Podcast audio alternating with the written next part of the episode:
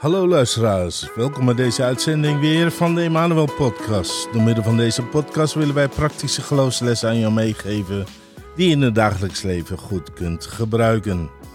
We zijn begonnen met het fundament van het christelijk geloof en daarna hebben we de aspecten besproken van een gezonde leer. Vandaag willen we verder gaan over hoe wij een overwinnend geloof kunnen hebben. En ons gebed is natuurlijk dat het je enorm zal zegenen.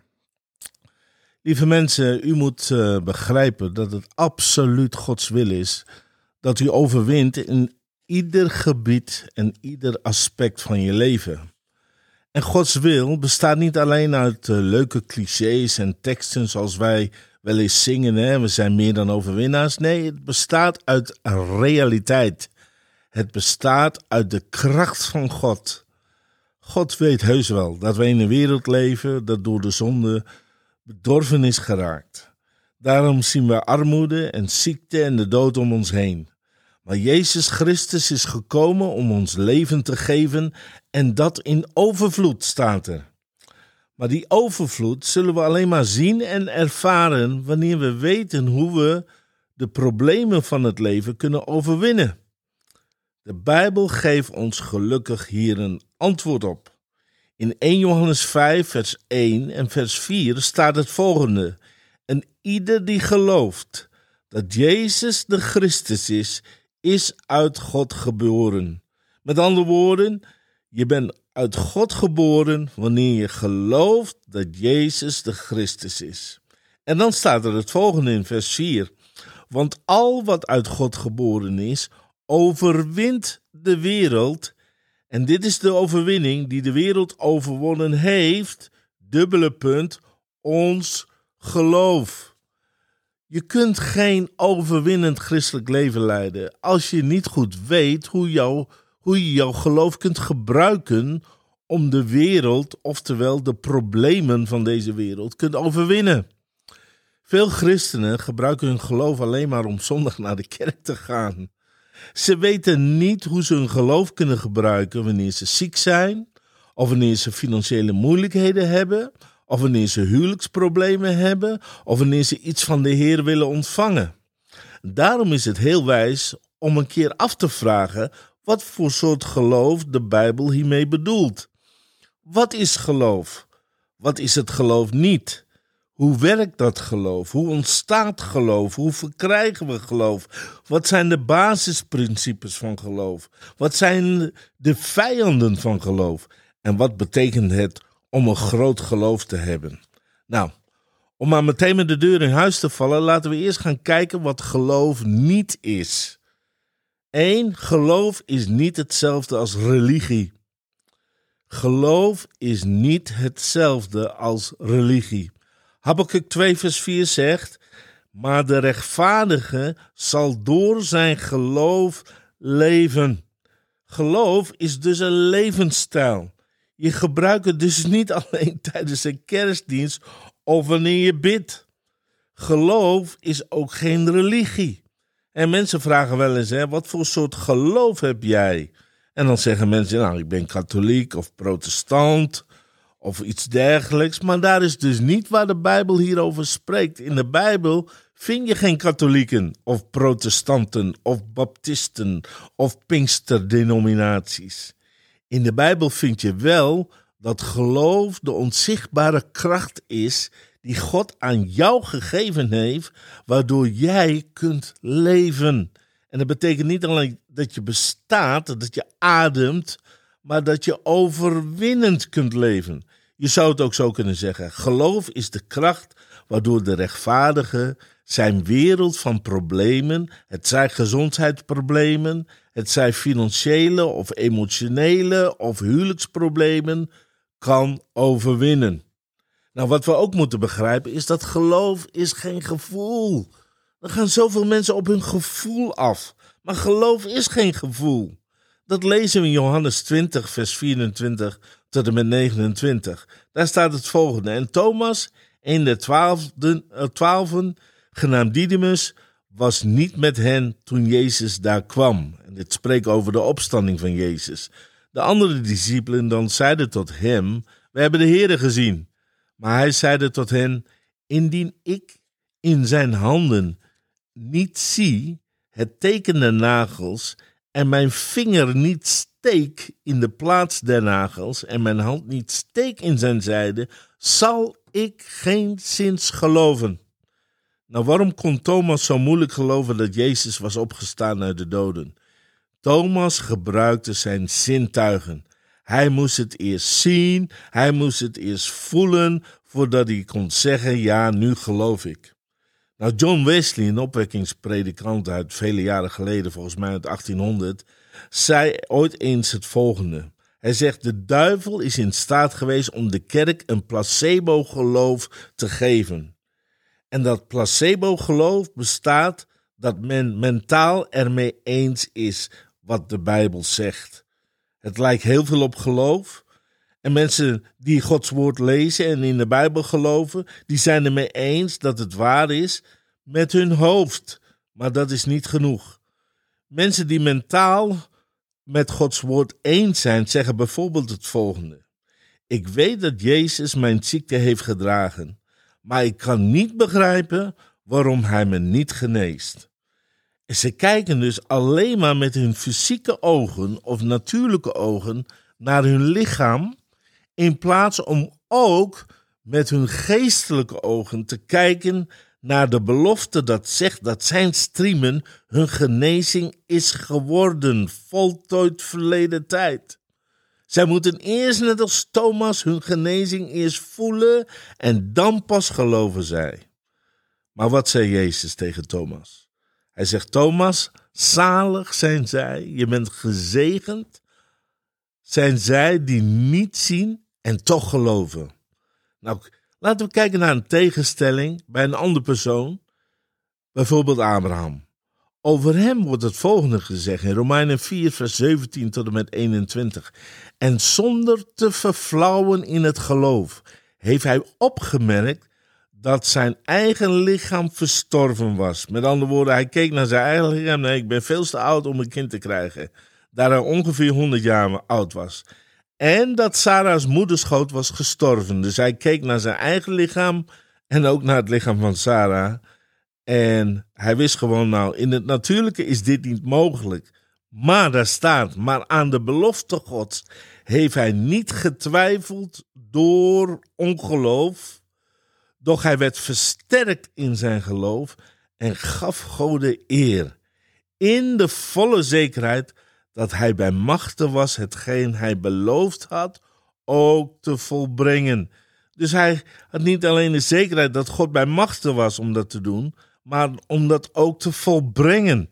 En de Bijbel zegt, daarom ook werd het hem gerekend tot gerechtigheid. Kijk eens naar de contrast tussen Thomas en Abraham. Het geloof van Thomas was puur gebaseerd op gevoel, op wat hij kan zien, op wat hij kan voelen, op zijn zintuigen. Het geloof van Abraham was puur gebaseerd op de belofte van God. Hij zag wel degelijk dat zijn eigen lichaam en die van Sarah oud was geworden. Maar hij keek ook met zijn geestelijke ogen naar de belofte van God. Oh, lieve mensen, misschien die nu luistert, misschien ben je wel ziek en je kijkt naar je lichaam en je voelt pijn en je vraagt je af: is het wel Gods wil dat ik genezen word? Maar ik wil u bemoedigen om met uw geestelijke ogen te kijken naar de belofte van God, net als zoals Abraham dat deed.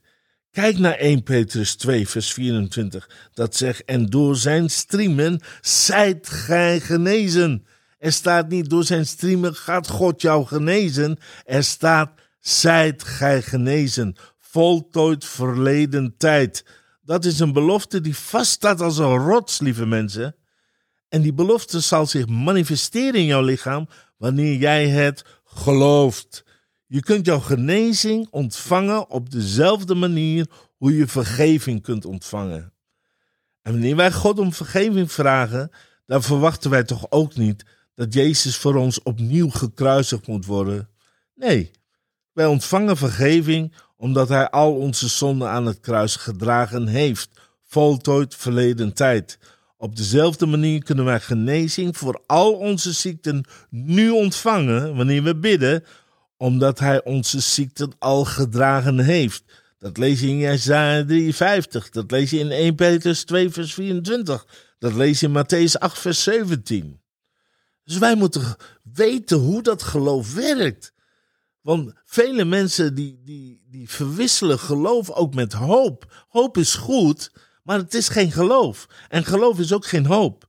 1 Korinthe 13, vers 13. Zo blijven dan geloof, hoop en liefde. Deze drie. Maar de meeste van deze is de liefde.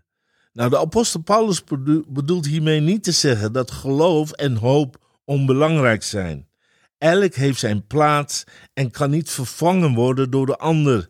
Wij kunnen niet liefde vervangen door hoop. En wij kunnen ook hoop niet vervangen door geloof. En toch proberen zoveel christenen, goede, lieve christenen, lieve mensen, goede mensen, de dingen van God te ontvangen door hoop. En hoop is een aspect daarvan, maar de Bijbel leert ons om dingen te ontvangen in het geloof. We kunnen niet effectief voetbal spelen met basketbalregels. We halen dingen door elkaar. En dat is het probleem. Nergens wordt in het Nieuwe Testament ons verteld om te bidden in hoop. Nergens. Althans, ik heb het niet gevonden. Overal in de Bijbel wordt ons verteld om te bidden in geloof. En het verschil tussen hoop en geloof is het volgende. Hoop kijkt altijd naar de toekomst. Hoop heeft een verwachtingsaspect. Het is altijd toekomende tijd. Geloof is altijd in het heden. Geloof is altijd nu.